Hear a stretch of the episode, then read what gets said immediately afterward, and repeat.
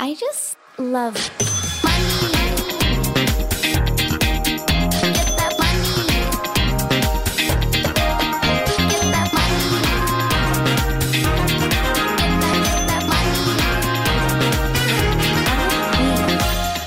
God mandag, og velkommen tilbake til en ny episode av Karrierekvinne podcast.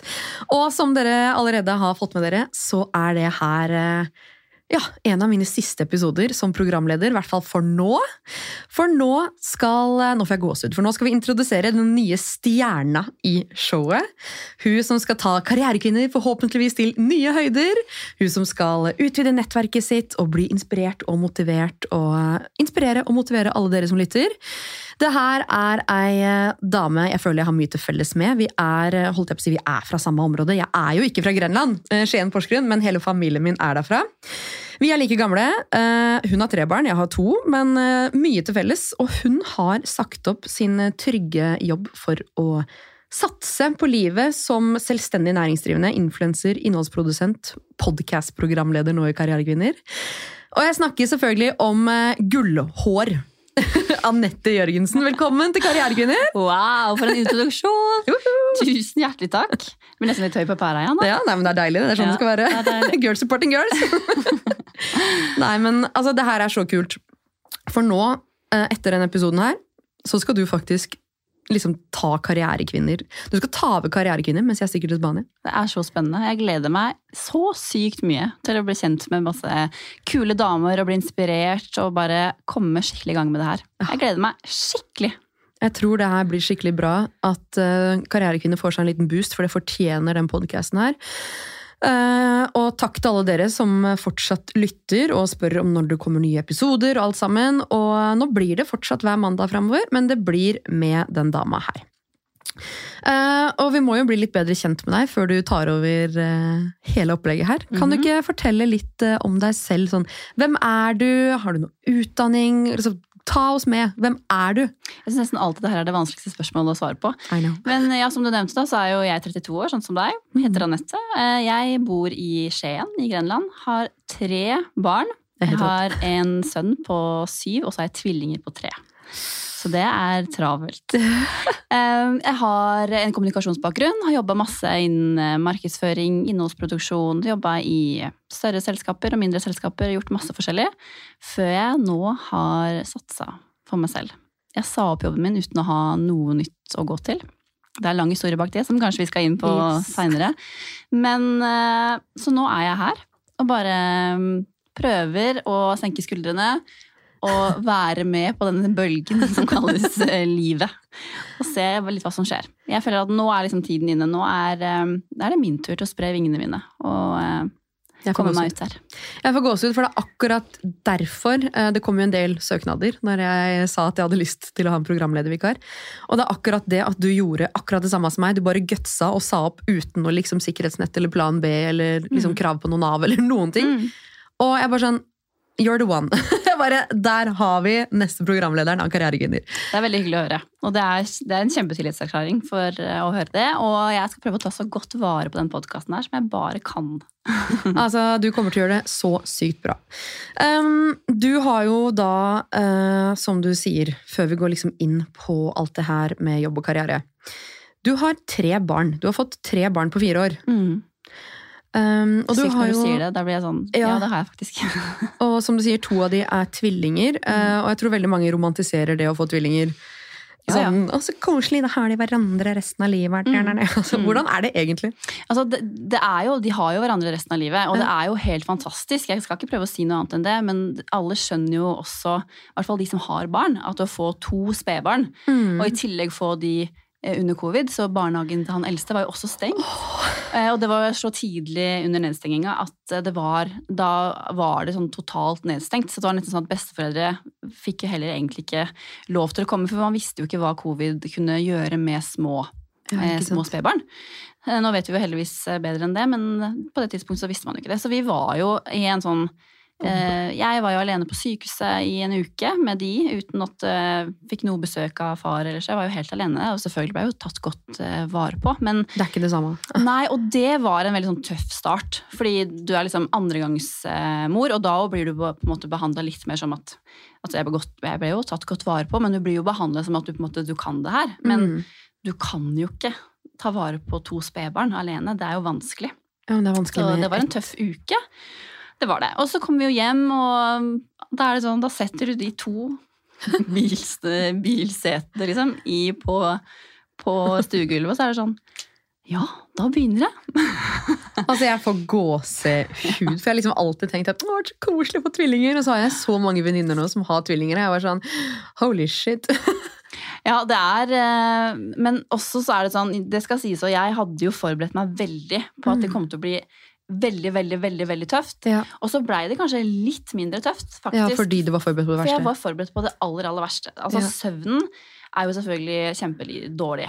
Men så prøver jeg også å si, for det er jo veldig mange som sier til meg bare Herre min, hvordan er det å ha tre barn og ha tvillinger?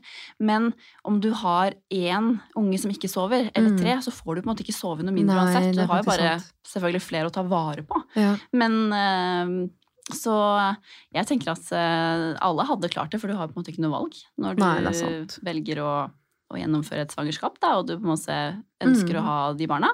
Så er det jo det man på en måte må stå i, og da klarer man det jo. Ja, det er sant. Nei, men når man ser tilbake igjen på det, bare sånn, herregud, har jeg stått i det der? Men så glemmer man jo også så sykt fort. Mm. Ja, ja. Når neste fase kommer, liksom, så er den forrige glemt. Det jo, ja, jeg husker jo ingenting eh, fra det første året. Da husker jeg ingenting, og det kan jeg være litt sånn lei meg for noen ganger. ja. Samtidig så prøver jeg å gi meg selv litt slack og bare, vet du hva, det er ikke rart jeg ikke husker noe av det. For det, det eneste jeg satt og gjorde, var jo på en måte å eh, amme og pumpe og prøve å ta vare på han, eh, eldste. han eldstemann. Så, Men eh, Det er derfor jeg fikk barn nummer to, faktisk, for jeg huska ingenting med Lea. nei, det er litt sånn. Og så er jeg så redd for at nå, jeg, nå står jeg jo midt i det, men det er sånn, kanskje jeg ikke husker noe av det her heller om et år. liksom. Vet Ja. ikke. Heldigvis har vi bilder. Ja, for meg, det er så fælt.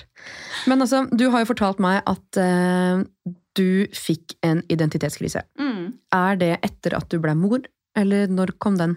Ja, den kom absolutt mest etter at jeg ble mamma. Jeg ble jo mamma ganske tidlig. Jeg var jo 25 år. Mm. Eh, altså Det er jo ikke unormalt tidlig, men, men jeg var den første i liksom, min vennekrets som fikk barn. Mm. Eh, og var, har liksom alltid vært veldig opptatt av eh, altså karriere og liksom få gjøre mine ting. Og det er jo en veldig sånn Selv om han var kjempeønska, så er det jo et, et sjokk å Mm. på en måte gå over til at du ikke kan gå ut av døra uten å tenke på tusen ting. Og på mange måter så har man sikkert godt av å komme i en sånn situasjon hvor du ikke lenger kanskje er det viktigste i livet ditt. Og det er jo Mm. noe av det beste med å få barn. Men det er også, det må være lov å snakke høyt om at det kan være veldig skummelt og sånn, nesten som en liten sånn kjærlighetssorg for det livet man hadde før. Mm. Noen føler ikke på det, men jeg følte på det. Eh, Og, og jeg hadde jo absolutt en fødselsdepresjon med, med førstemann. Mm. Og det var litt sånn, da ble jeg sånn Hvem er jeg? Hva liker jeg? Eh, hvorfor er jeg plutselig redd for de tingene her som jeg aldri har vært redd for før? Jeg har alltid vært veldig sånn fryktløs. Jeg ble plutselig veldig redd for alt. Og redd for å gå ut døra, for jeg var redd for at han skulle begynne å gråte i eh, ja, du fikk den, ja, ja. veldig merkelig. Jeg Mm. hadde liksom aldri tenkt at det var noe jeg skulle, ja, skulle være redd for. Og så var jeg på en måte sånn det begynner jo, Når du blir mor, så begynner man jo å tenke litt. da, Hva vil jeg? og Det er vanskelig å forklare, men får bare sånn annet perspektiv på livet. Jeg bare tenkte sånn, hvem, hvem er jeg nå? Hvem er det jeg skal være, og hvor skal jeg?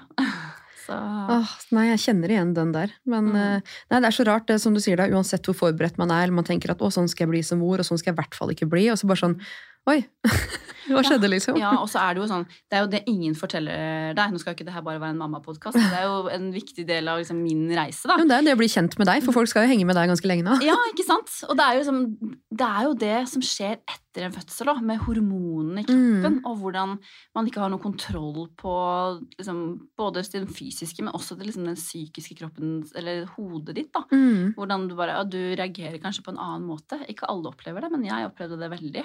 At Ja, det, var, eh, det var liksom uvant, da, å stå i den situasjonen.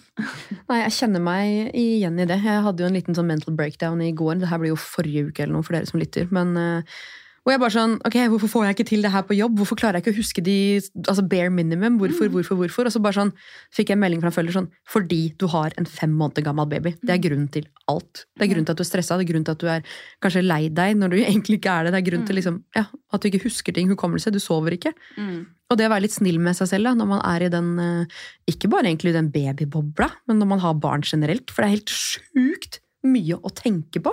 Vet du, det er det, og det er egentlig ganske drøyt at man Altså, eh, kravene blir jo egentlig bare høyere. Du Ja. setter jo Jeg tror vi er veldig like at man setter liksom de samme kravene til seg selv som før. Mm. Og på mange måter så er jeg glad for at jeg har den, den driven. Mm. Men så er det også veldig fint at det er en, en som følger deg, da, som faktisk gir deg den påminnelsen, og at du òg får en bekreftelse. For noen ganger så trenger man det. Ja, ja, ja. Fra utsiden på at, vet du hva, hallo, du er tobarnsmor, ungen din er fem måneder. Mm, Du har liksom, kroppen din er jo ikke tilbake mm, mm. altså, Du er jo ikke stabilt hormonelt i det hele tatt. Nei, Jeg leste et sted at etter, for hvert barn du får, da, et, så tar det fem år Ja, det. før hormonene stabiliserer seg. Det. Og det er liksom ikke at man skal bruke det som noe sånn buhu, stakkars oss, men det er jo eh, det er noe som skjer i kroppen. Og det er viktig å liksom bare, sånn som du sier, være snill med seg selv, selv om det kanskje er liksom brukt opp å si. Ja. Så er det, det kan på en måte ikke sies nok. Fordi vi må være snillere med oss selv, og så må vi være snillere med folk rundt oss. Fordi vi er bare folk. 100 og det, det må alle være. Altså, så Mm. tenker jeg på det der med uh, maskulin og feminin energi. Jeg tror kanskje vi begge to har mye maskulin energi. Ja. Absolutt. Uh, Så det, altså Et av liksom mine mål og meninger med å dra til Spania Uh, For det første fordi Belinda Jacobsen er der. Jeg skal bare eat, pray, love. Finne mer av min feminine energi, lytte mer til kroppen og bare liksom finne en litt annen flyt. Fordi jeg har jo gått til uh, livsmestringscoach Isabel Engelhardt. Hvis dere går litt uh, tilbake nedover i lista her, så kan dere finne en episode med henne. Uh, og hun har jo liksom lært meg alt om altså hvor langt man kan komme hvis man bare gidder å lytte til seg selv, da, og kanskje ta litt mer vare på den feminine energien. Mm. For jeg har alltid, det er fælt å si tenkt på det som en litt sånn svak side ved meg selv. Um, men det er det jeg liksom skal utforske nå, da, at kanskje det faktisk kan være et sjette gir, egentlig. Det, På en mer sunn måte. det, er, at det, det er bare positivt. Ja. Og jeg føler at samfunnet også begynner å endre seg litt med at det er liksom den feminine, feminine energien. For det handler jo ikke om å være mann eller kvinne, men det er liksom nei. ha litt den mer myke approachen Mhm. til ting, da. Og det er sånn jeg har lært meg også, for jeg har også gått mye til, eh, til forskjellige coacher. Og det er også det på en måte å bare noen ganger så må man liksom roe ting ned for å gire opp. Og Mm. gi seg selv liksom litt ro for å finne ut av hvor er neste steget. Fordi både du og jeg jobber jo i yrker hvor vi er helt avhengig av å være kreative og være mm. inspirert. Aktuell, da. Og aktuelle. ikke sant? Stress. Og inspirasjon den kommer jo ikke av å stresse den fram. Mm -mm. Og det tror jeg også i alle yrker så kan man liksom kjenne på det. Og det er jo sånn som det er nå eh, med at man får så mye liksom, input hele tiden også. Nå Mm. høres jeg ut som jeg er en 80 år gammel dame, men det er jo, det er jo sånn det er. Du, altså, huet får jo aldri slappe av. Nei, nei, nei. Og det er noe med det å finne noen sånne teknikker for å liksom koble av litt, da. Og for Mhm. å kunne finne ut av hva, Um, hva du faktisk har lyst til å gjøre med livet ditt, da. Og, det, Mhm. og ikke hva alle andre forventer at du skal gjøre. 100% Og så er det det at det er ikke så jævlig mange som faktisk ser på deg som du tror. Nei. Den der, sånn som nå, da, så skulle jo egentlig nettkurset mitt Influencer Pro det skulle lanseres i Sverige i sommer. Mm. Men så er det noen som uh, ikke har uh, ja, gjort jobben sin, rett og slett, på den andre siden. Og det er sånn, vet du hva? Nobody cares. Om det skjer i november. Ingen bryr seg. Nei, for det var det jo din, det var jo du som hadde forestilt at den skulle Ja. lanseres da. Ja. Men selvfølgelig, jeg skjønner at det kan være frustrerende for deg. Men Ja. det er jo som du sier, det er seg. faktisk ikke noe big deal. Nei. De aller fleste er opptatt av seg sjøl. Ja. Liksom, så det er litt viktig å tenke på noen ganger også. Mm. At man bare man gjør det som, man gjør det som, som funker for deg, det som er viktig for deg. Mm. Og så er det umulig ikke la seg påvirke, og at man sammenligner seg innimellom. Men det er bare sånn, finn din greie. Og Ja. jeg møter ganske mange eh, damer eller send, som sender meg meldinger og DMs, og som sier liksom ok, hvordan finner jeg liksom min, Mm. eh, min greie? Og nå er ikke jeg noen coach, men jeg har gått gjennom en, eh, en reise selv. Og du må bare ikke stresse med det, men begynne sånn, ok, eh, sett deg ned en kveld, liksom. Tenn noe Mm. lys, ta deg et glass rødvin, Mm. whatever. Og så skriv en liste over hva er det jeg liker å gjøre. Mm. Hva liker du? Og det er sånn, det har åpna øynene mine så i det siste for hva du faktisk kan gjøre i karrieren. Mm. Altså En helt sånn random referanse. I går var jeg, for jeg er styreleder, selvfølgelig, i barnehagen. Klarer ikke å si nei til det. Jeg sa nei til FAU i går. Jeg er Ja. stolt av meg selv. Ja. Jeg har en eh, syndrom. Når ingen andre melder seg, så melder jeg meg. Men det er greit nok. Men da er det sånn Altså, eh, da kan man, man Man kan faktisk gjøre karriere av å dra rundt i barnehager og tegne paradis. Ja, Liksom, og tagge paradis. Ja. Så altså, du, kan, du kan på en måte Du kan Mm. gjøre hva du vil, Ja. bare du begynner å tenke litt utafor den boksen og finner liksom din greie. For hvis du gjør det du elsker, det her har sikkert alle hørt tusen ganger før, men så er det fort gjort, da. Mm. At det er det du kan uh, leve av. Nei, det er sant. Jeg så en reel her om dagen. Sånn, hvis ungen din uh, er en treerkandidat i matte, Mm. eh, men ungen er dritgod i tennis, så skal du ikke leie inn en mattelærer. Du skal leie inn en tenniscoach. Ja, Bygg videre på det du er Mm. god på. Mm. Og Mm. ikke liksom stresse med at, å bli god i ting du ikke liker eller ikke er flink på. Det, så jeg bare Shit, det der er så sant. Mm. Så Nei, det er Å, hør på livsfilosofene. Ja, nå ble det dypt her, men eh, sånn er det. Men du tok jo da øhm, Altså, jeg vet ikke om det var midt i fødselsdepresjonen eller noe, men du, du stakk av, du. Var ikke det her med første til Costa Rica? Jo, det gjorde jeg. Det var, eh, vi har alltid gått med en drøm om å gjøre noe helt annet. Og apropos det å få en pause fra det hamsterhjulet. Mm. Så vi sparte opp penger i et år og leide ut huset vårt. Solgte en av bilene våre og leide ut den andre bilen. Oi. Og så dro vi til Costa Rica i fem måneder. Oh. Det var jeg og Espen, da, mannen min, og eldstemann. Som da, Han var to og et halvt år, da, så det var før tvillingene var født. Så var vi der i fem måneder, nesten et halvt år, og bare levde livet. Og det er, hvis man noen gang i livet får den muligheten, eller tar den muligheten, så bare jeg anbefaler alle å gjøre det. For det, det var en av de tingene som bare endra alt for meg. Hører du denne episoden her live? jeg prøver å tvinge han til å ta ulønna permisjon, så vi kan reise et år. Men er, har han lyst til det? Uh, han er vel litt mer sånn at eh, vi får se hvordan det går i Spania, Mm. om han trives. Uh, men vi, altså Grunnen til at vi, Ikke grunnen til at vi ble sammen, men vi elska jo reise. Vi har jo vært i 30 land, jeg vet da søren. Og jeg er bare sånn Jeg um, kom inn på tredjeåret mitt i Bali og Australia og Hawaii. Og det er det jeg angrer mest på i hele livet, at jeg ble i Oslo. Ja. For jeg bare ja, nei, jeg skal sitte her, jeg min 40 kvadratmeter kjellerleilighet med eksen. Det er livet. så jeg har tenkt på det så lenge sånn Det var jo riktig der og da, men jeg angrer så sykt på at jeg ikke hadde det lange utenlandsoppholdet. Um, og nå får jeg jo tre måneder nå, da, men likevel så er jeg bare sånn Vet ikke om det er nok. Nei, også, men så synes jeg det er viktig det du sier med at ok, det var riktig der og da. Da føltes ikke det riktig å gjøre det valget. Mm. Og nå bygger jo du deg et liv mm. hvor du kan ha muligheten til å jobbe fra mange steder. Mm. Og det er jo veldig kult, det. da. Ja, Det det er er, aldri for seint uansett. nei, så vi eh, Nei, vi eh, Jeg satser på at det blir noe. Så får vi se, da! Men altså, eh, du var der i fem måneder. Mm.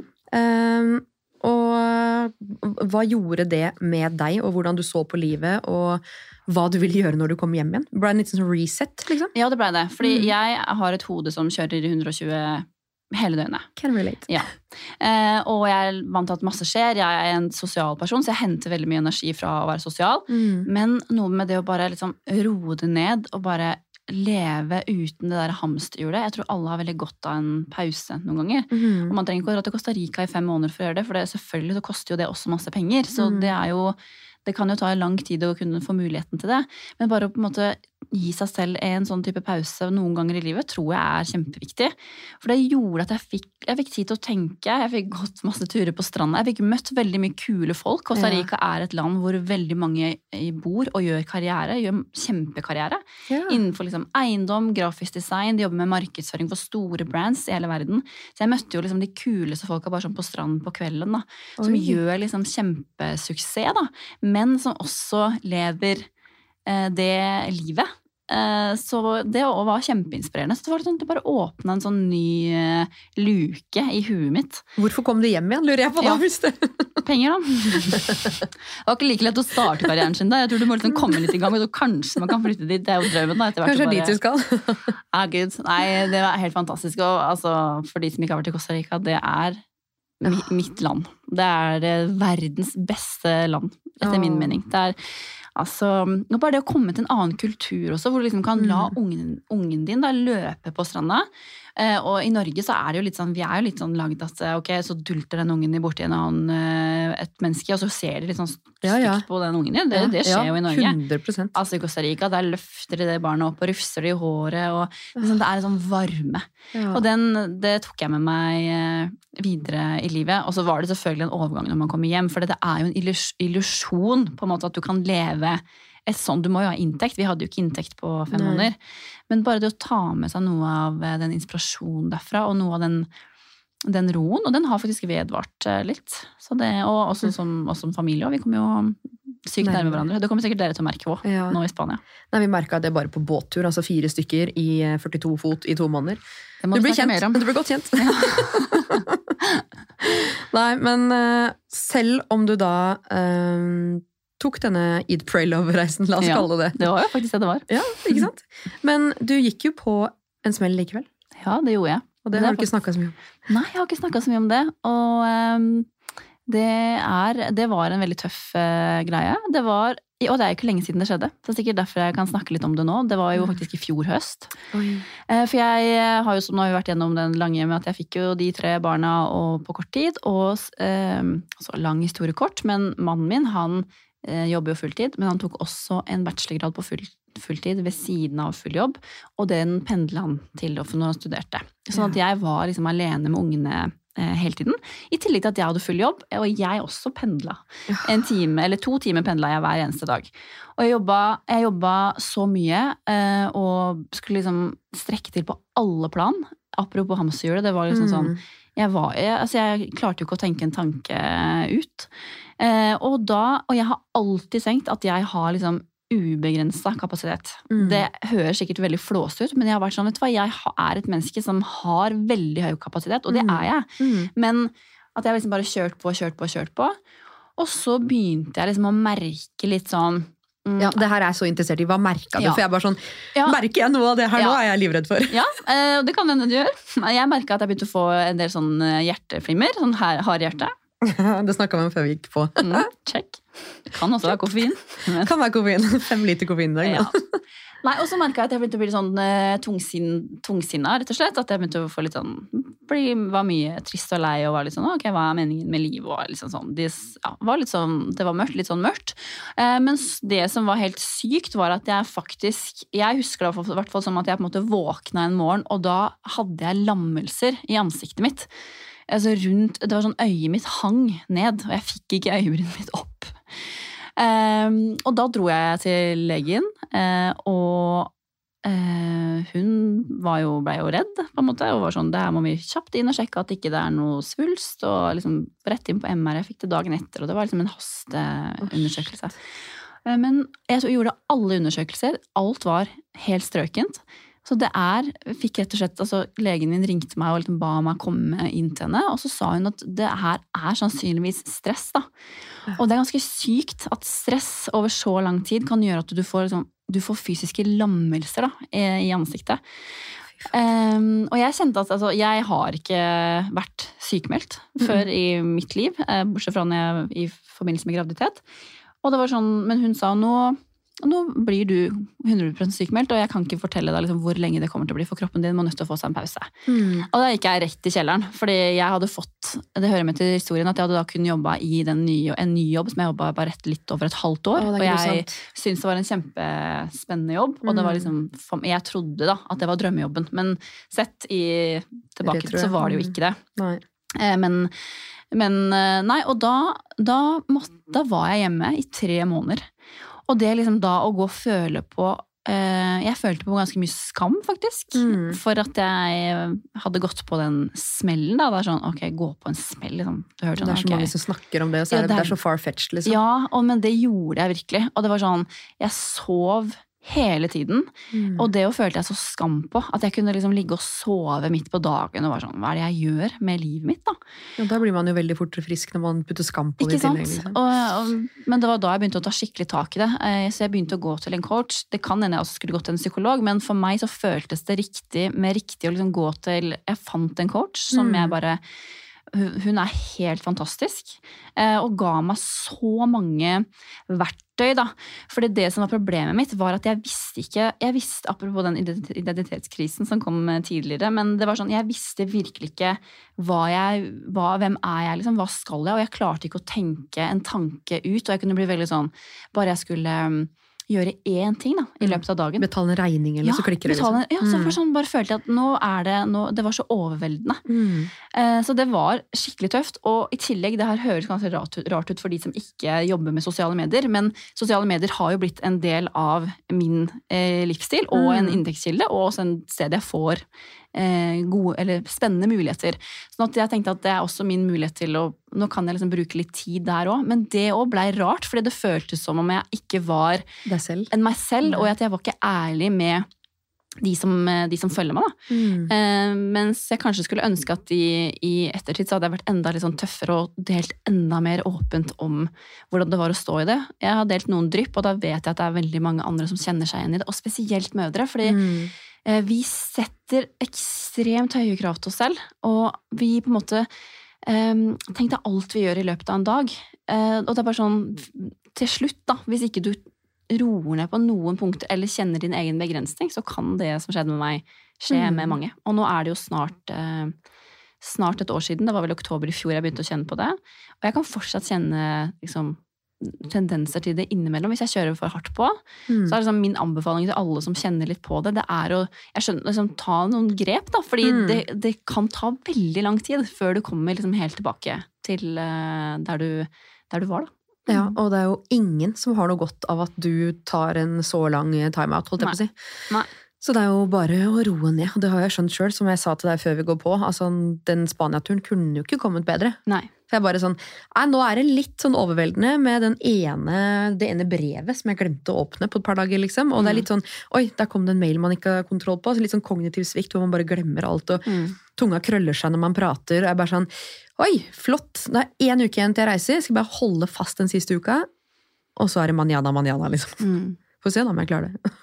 Og det, er, og det er jo også noe med det at du skal liksom ikke stille de kravene til deg selv at du må klare det med en gang du kommer ned heller. Nei. Det er sånn, det de kommer til å, å gå seg til. Og, men jeg er jo også på en eller annen merkelig måte glad for at det skjedde med meg òg, fordi jeg, det har jo forandra hele livet mitt. Mm. Jeg, jeg, eh, jeg, jeg kunne jo valgt å være sykemeldt eh, lenger og på en måte mottatt de sykepengene og på en måte kunne ta meg den tiden jeg trengte. Men så kjente jeg også at for min del, det her er ikke noe jeg nødvendigvis anbefaler til alle, for det her er viktig at du må vite liksom hvilken økonomisk situasjon du står i. og altså, Man har jo ofte mye ansvar. Mm. Men for min del så var det nesten verre. Jeg blei ikke friskere av å hele tiden liksom, hver andre uke måtte snakke med arbeidsgiveren min, og de også selvfølgelig lurer på Den Nav-mølla. ja, Mm. når kommer du tilbake? Hva tenker du? Altså, selv om de var kjemperespektfulle, så er det jo en sånn De òg ønsker jo å finne ut av det, og jeg hadde ikke svar. Mm. Og til slutt så måtte jeg liksom bare hva jeg kom med til den konklusjonen at jeg må ta en avgjørelse hvor jeg sier opp. Fordi jeg Mm. må bare jeg Dårlig samvittighet overfor de Ja, liksom. og det, jeg må bare kvitte meg med det.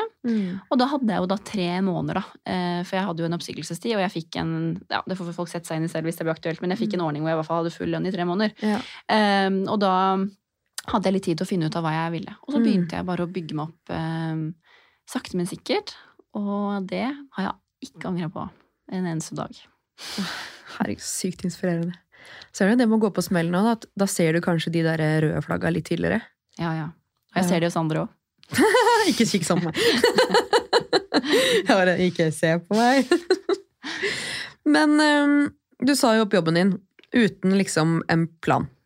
Ja. Og hvordan følte du det liksom rundt veien videre? Og den, altså Som du sier, da, tre barn, hus, bil, mann, bla, bla, bla. Altså økonomisk altså, Hvordan var hele den mølla der, liksom? Du må jo ha kverna greit da? Ja, og det gjør jeg fortsatt. Jeg kverner fortsatt på det. Eh, Jeg, jo, jeg har jo vært selvstendig nå fra mars, så Mm. det er ikke så lenge, men det er jo litt. Det er fem måneder, eller? Ja, det er fem måneder. Men det som har liksom vært min eh, plan, er at hver dag så skal jeg kontakte noen nye. For det handler jo om å liksom komme seg ut der. Mm. Eh, og så har jeg benytta kontaktnettet mitt. Det som jeg har fra før. Det jeg gjør, er jo innholdsproduksjon, så jeg hjelper jo bedrifter med sosiale medier. egentlig, Ja, å ja, lage innhold til sosiale medier. Eh, og det handler jo bare om liksom, at jeg må være synlig og skape et behov hos For det er jo fortsatt ganske nytt for Mhm. mange.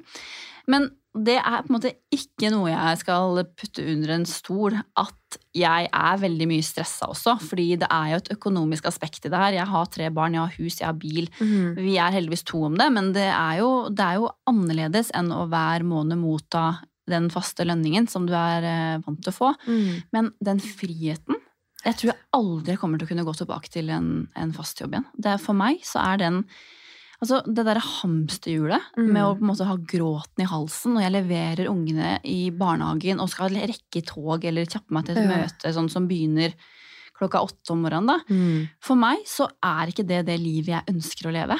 eh, det, det er ikke det sånn jeg vil ha det. Jeg vil jobbe masse, og jeg har kjempemange drømmer og mål og karriereønsker, men det har jeg tro på at jeg kan få til ved å tilrettelegge det rundt familielivet mitt. Mm. Sånn som det er nå, så leverer jeg både mann og barn faktisk om morgenen, for vi har valgt å ha én bil i den perioden her nå. For det, det er det, ja.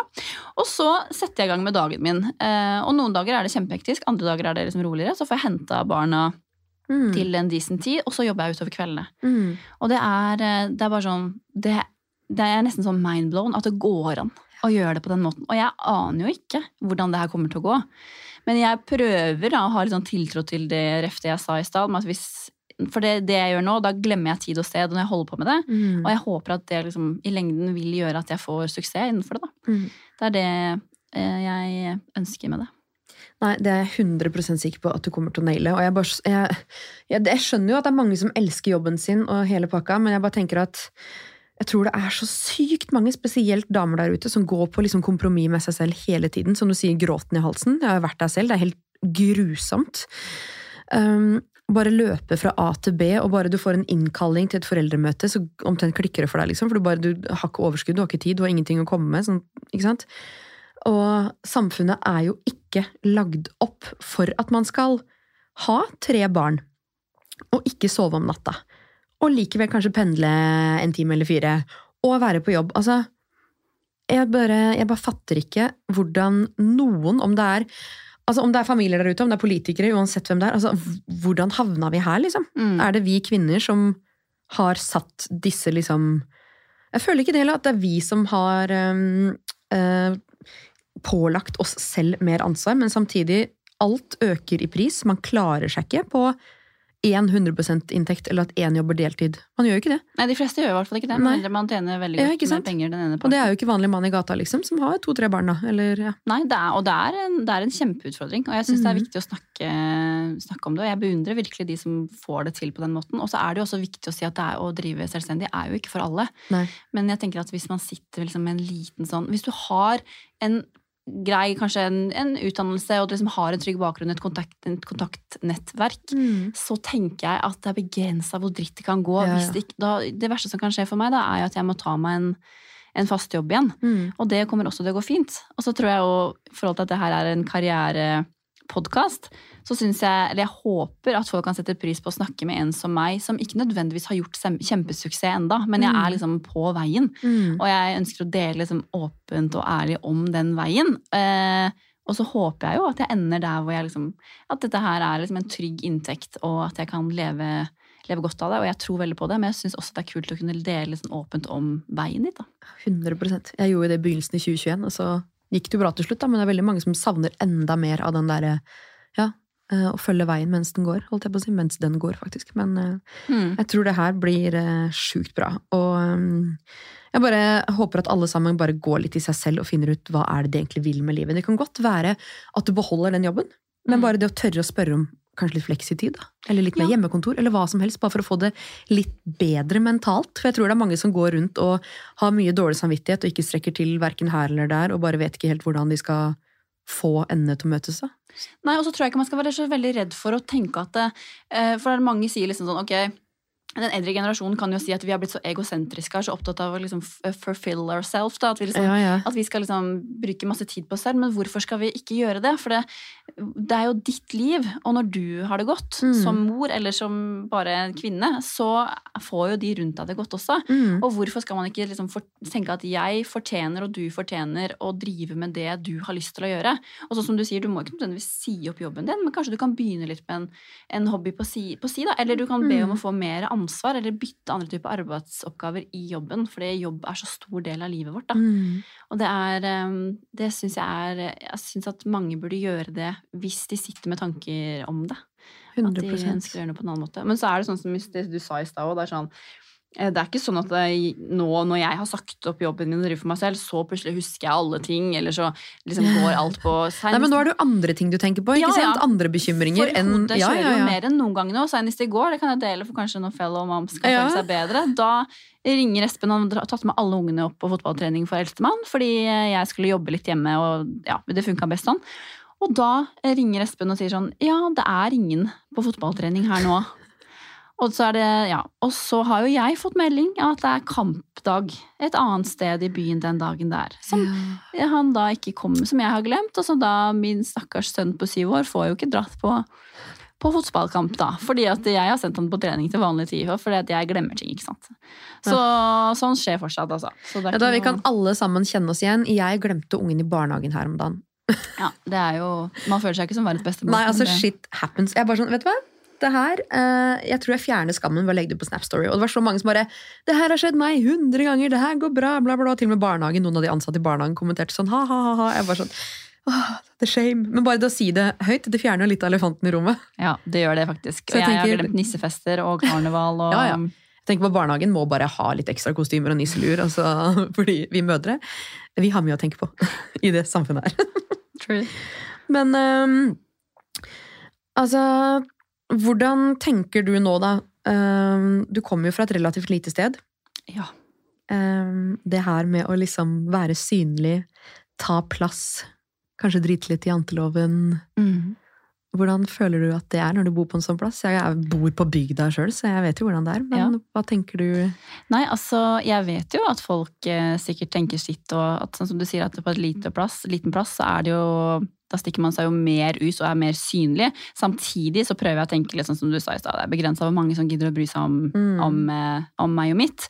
Men det er jo perioder hvor jeg liksom tenker ok, det her er liksom sånn, da, nå deler jeg masse, og det er litt rart å tenke på hvem som kan se det, for det er jo en liten plass hvor man møter folk hele tiden, og noen kjenner noen, på en måte. Eh, Men den janteloven den står jo sterkt. Jeg Mm. opplever jo det, jeg har jo fått en del spørsmål allerede eh, om jeg ikke skal få meg en ordentlig jobb igjen. Å, jeg er så lei det spørsmålet. Hva er en ordentlig jobb, liksom? Ja, og det er sånn, det synes jeg er så... Folk tjener penger på Onlyfans, for faen! Ja, og det er liksom, nei vet du hva, det synes jeg er, eh, den, det spørsmålet er litt sånn utdatert da, synes jeg da. Så tenker jeg sånn, ja, og jeg har en ordentlig jobb, så det, det går fint. Men, men um, jeg er, den janteloven har liksom aldri stikket så veldig uh, dypt i meg. High five for det, sier jeg bare. Ja. Og så prøver jeg å tenke over, for det var også en ting jeg lærte hos eh, coach. Det er det med at jeg har tenkt at muligheten er så mye mindre for meg som bor i Skien. Og jeg kommer jo til å ville fortsette å bo i Skien, for det er jo der, jeg, sånn, det er der familielivet funker for oss nå. Eh, Så jeg tenkte at å, muligheten er så mye mindre der, men det er det jo ikke. For det første er det jo større sjanse for å stikke seg ut da, med de Ja, ja. lokale der, men så er det jo også altså, sånn som nå, vi er i Oslo, jeg kan ta meg noen turer hit, barna har blitt større. Ikke bare det, men alt skjer ikke i Oslo. Alt Alt, ikke må i Oslo. ikke skje i Oslo. Jeg er så drittlei den der Oslo-gryta. Sånn, si ifra når du er i Oslo. Nei, du kan komme til Drammen.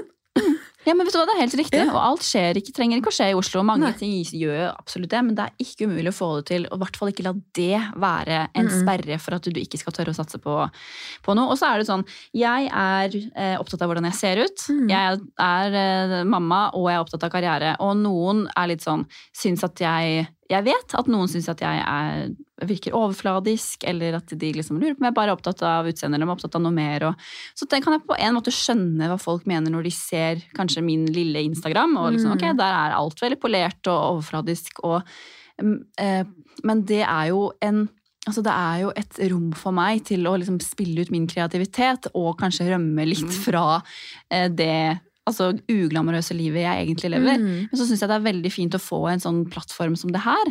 Og liksom få lov å dele litt mer av meg og hva jeg brenner for, og få dere gjestene, for nå i dag er du gjest, til å forhåpentlig Det skal du være seinere. Ja, Ja, ja. ja, til å eh, skinne. Um, Nei, men altså, sånn Ja. helt seriøst. Noen er opptatt av strikking, andre er opptatt av sminke. ja. Er det så veldig viktig? Er det mer skam knytta til mote og sminke enn strikking og tennis, liksom? Ja, og det- Hvorfor skal det være det? Nei, jeg syns ikke det skal være det. For meg så handler det om velvære. Mm. Når jeg, og jeg steller meg om morgenen. Jeg, jeg prioriterer å bruke tid på det. Det sier jeg ikke at noen andre trenger å gjøre, men Mm. jeg gjør det, for det gjør at jeg føler at jeg kan ta den dagen med storm. Og jeg føler meg bra, og jeg, da, da kjenner jeg at jeg klarer mer. Og sånn, sånn som eh, vi, vi to begge kan relatere til, at man sover jo lite med små Mm. barn. Og, og for meg så handler den prioriteringa om at når jeg føler meg at jeg ser fin ut, da, da føler jeg at jeg kan klare mer. Det er Mm. liksom egentlig så enkelt det er for meg, og det er en interesse, og det er en, eh, en hobby. Og Mm. det, det må være greit å drive med det uten å bli dømt for det. Og jeg syns jo det er veldig få som dømmer for det òg. Jeg syns Ja. jo vi har kommet ganske mye lenger der. der eh, og de som dømmer, de får, eh, de får dømme. Ja, altså, Hvordan tenker du med det? Med fremtidig netthets og Jodel og Kvinneguiden? og Er du, er du bekymra for liksom den delen av bransjen? Jeg har ikke vært bekymra for det, men jeg er ikke noe glad i å få kritikk. Jeg, eh, og det beundrer jo deg, jeg deg veldig for, så jeg gleder meg til jeg skal ha deg som gjest seinere. Men eh, det er eh, Jeg er ikke noe glad i det, og jeg har jo allerede fått Jeg har fått ikke mange, men jeg har fått noen litt sånn krasse kommentarer. Ja. Og det, det er Det er ikke noe gøy å, å få det. Samtidig så tenker jeg at ok, folk får mene det de vil, og så må jeg velge å stå liksom støtt i de tingene jeg gjør, og så får vi bare være enige om å være uenige. Og når det er sånn helt sånn når det går på helt sånne eh, usaklige ting, sånn er du ikke opptatt av noe annet enn utseende, Mm. det går liksom inn det ene øret Ja, ja, ja. og ut det andre. Men det er mer når det går på liksom ting at folk lurer på om jeg er liksom, Er du på fest igjen? Eller, eller eh, er, er pappaen til barna mye aleine? Jeg har liksom fått noen veldig få sånne kommentarer, men de stikker litt. Samtidig som jeg vet jo at ikke det er casen. Men det er kanskje det som syns eh, utad. Ja, for det er forskjell på folk, fordi de kommentarene kommer jo fra misunnelse. Fra noen som aldri har vært på fest etter fødsel. Jeg sitter og tenker fy faen så fett at du klarer å balansere det så bra. Ja, Jeg blir mer inspirert og motivert og syns det er dritkult. Så du, ikke sant? du må bare tenke at det der handler ikke om deg. Det ligger dypt inne hos den som kommenterer. ja. Eh, så nei, jeg, og jeg, det, hvis det går den veien jeg vil, så vil det jo sikkert bli mer av det også. Av hets og do, do, stygge kommentarer, så jeg er jo forberedt på det. Ja. Uh, Men det, det skal jeg klare å takle greit. Jeg er glad for at jeg kommer inn i den bransjen her når jeg er 32 år, og ikke 16. gud. For det, det, det, 16 år på TikTok, hva? liksom. Ja, vet du hva? Jeg har jo akkurat begynt å gjøre bitte litt på TikTok. Der er folk Ja. så fæle. Jeg gidder ikke. Folk er helt idioter. Nei, jeg, liksom, jeg kjente at jeg liksom, der, er, der, er det, der er det veldig veldig mye lavere terskel for å Mm. slenge inn en, en stygg kommentar, liksom, som Mm. er, eh, ikke er fin. Og jeg ser det på veldig mange andre sine kontor òg. Det er sånn Det miljøet der Det er bare å sperre kommentarfeltet, faktisk, for folk blir fortsatt inspirert. Videoene kan fortsatt gå viralt, for det er ikke samme Mm. algoritmen. Nei. Sperr kommentarfeltet, folkens! Kanskje man skal gjøre det. Ja, for TikTok det er seriøst, det er eh, elleve år gamle unger som ikke har lært sosial intelligens. Og så er det gamle Det er fælt å si kjerringer, men det er som regel det er som regel damer. Det er fælt. Men eh, ja, folk som sitter nede i kjelleren sin og hater livet, som plutselig har fått et talerør. Så det Nei, sperr kommentarfeltet, altså. Beskytt dere sjøl, folkens. Rett og slett. Men herregud, um, nå er det liksom din tur til å ta over den podkasten her. Åh, det er så spennende. Er du klar? Jeg er skikkelig klar. Jeg har allerede noen gode gjester på lur, så dere kan glede dere. Åh, så spennende. Ja. Nå eh, lurer jo sikkert alle på hvor man kan finne deg. For du har en veldig inspirerende Instagram-profil. Hva Takk heter du på Instagram? Anette Jorg heter jeg på Instagram. Da deler jeg litt om livet, mote, sminke, alt. Og jeg skal prøve å være flinkere på å være enda litt mer personlig der. For å dele litt mer. Jeg liker, det er jo det jeg liker å følge selv. Folk som, Mm. folk som er folk. Ja, og det er litt vanskelig. Det er vanskelig. å eh, dele litt sånn privat. Man føler noen ganger at jeg er litt sånn invaderende. Men eh, Det er mye noe- lettere på lyd. Og så kan man få litt angst fordi det er så lett. Ja, jeg kommer sikkert til å få litt noe jeg etterpå, men det går fint. Regner med bare at det er kule damer som hører på. Ja, ja, ja. 100% Nei, men dødskult. Følg eh, Anette Jurgi på Instagram, folkens. Og abonner gjerne på Karrierekvinner, så kan dere kose dere med Anette og gjestene hennes hver mandag utover høsten og vinteren. Vi snakkes! Snakkes! I just love money.